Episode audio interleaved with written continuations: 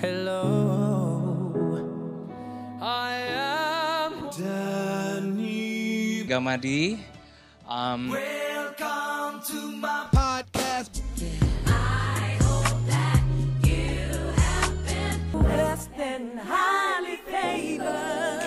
Hello, welcome to podcast series Gen Z Ministry bersama gue Denny Gamadi dan hari ini ada seorang tamu yang spesial yaitu Stephanie Rachel. Yeay! Yeay. Apakah mereka orang-orang yang gampang ribut nggak? Jadi di satu sisi orang yang giat, kerja keras, fighting itu kan juga gampang eh, cekcok, terus pecah gitu kan ya. Nah kalau mereka yang yang kayak begini karakteristiknya itu juga gampang pecah nggak sih? Hmm, mungkin kalau sekarang lebih ada ada faktor gampang menghakiminya juga kali ya. Hmm, Tapi menurut aku itu bukan sisi negatif yang terlalu besar di generasi kita sih karena em, aku lihat semakin lama kita juga lebih open minded sih. I see. Jadi kayak nggak terlalu cepat untuk menghakimi. Seharusnya ya nggak tahu ini kalau bercermin pada diri sendiri gitu dan orang-orang di sekitar aku ya gitu. Jadi kayak lebih nggak terlalu mudah menghakimi karena mungkin lebih open minded karena Lebih dengan open. adanya iya dengan adanya sosial media jadi istilahnya jadi kayak kita bisa lihat dunia luar nggak cuma terkungkung dengan dunia kita yang sekarang ada di sekitar kita tapi kita bisa lihat dunia luar jadi bisa kayak oh ternyata oh, luar negeri nih bahkan melakukan hal yang sama ya berarti ya kira-kira lebih open minded lah gitu Open istilahnya. minded, iya iya.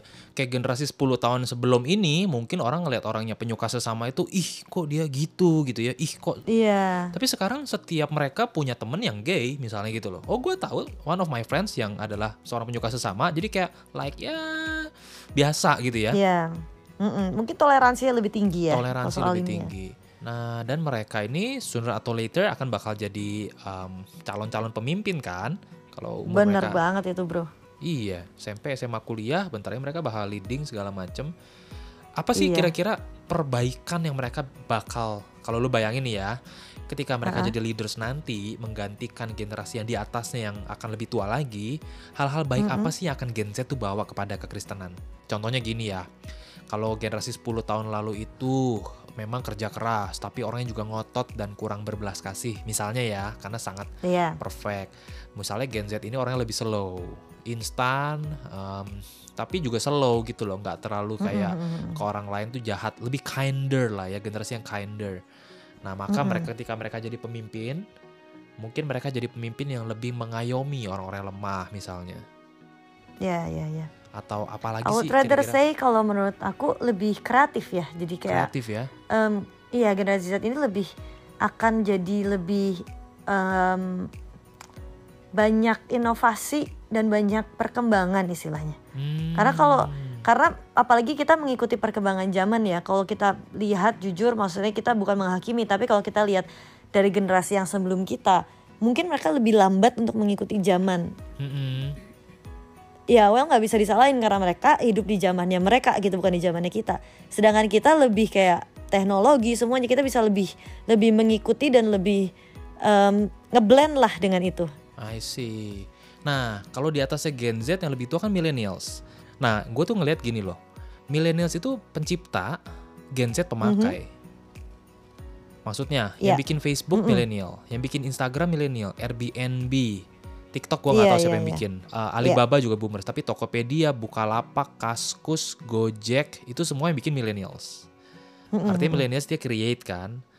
Nah, Iya. sedangkan Gen Z itu kan orang suka lihat dia pasif gitu loh di depan handphone mereka dengan headset mereka. Mereka cuma make. Mungkin aku bisa bilang belum kali ya. Hmm. Aku sih masih percaya di setiap generasi pasti akan ada something new. Pasti ada sesuatu yang mereka ciptakan yang baru.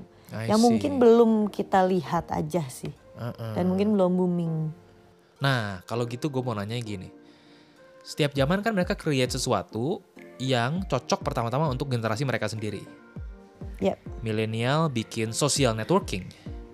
Uh, Iya. Si Mark Zuckerberg gitu kan ya, dia bikin social networking yang kemudian milenial juga yang mayoritas pakai bareng-bareng. Baru kemudian generasi Iya. lain ikutan pakai. Jadi artinya si generasi si Mark itu sebagai anggota dari milenial bisa ngebaca needs anak-anak milenial, terus dia ngebikin sesuatu yang sesuai dengan needs anak-anak milenial, gitu kan? Mm-mm. Nah, sekarang kita main imajinasi. Lu kan banyak melayani nih anak-anak yang Gen Z kan ya. Ya. Kira-kira mereka punya kebutuhan apa sih yang butuh diadres yang nanti mungkin mereka akan ciptakan sebuah jalan keluar untuk kebutuhan itu. Tapi gue belum bicarain jalan keluarnya apa, cuman kebutuhan apa aja sih yang sebenarnya Gen Z tuh punya, cuman kita belum punya jawaban buat mereka gitu loh. Jujur ya yang aku lihat dari sekarang generasi Z sih kebutuhan paling tinggi yang istilahnya mereka sangat craving for it gitu kayak menurut aku sih em, penerimaan atau pengakuan.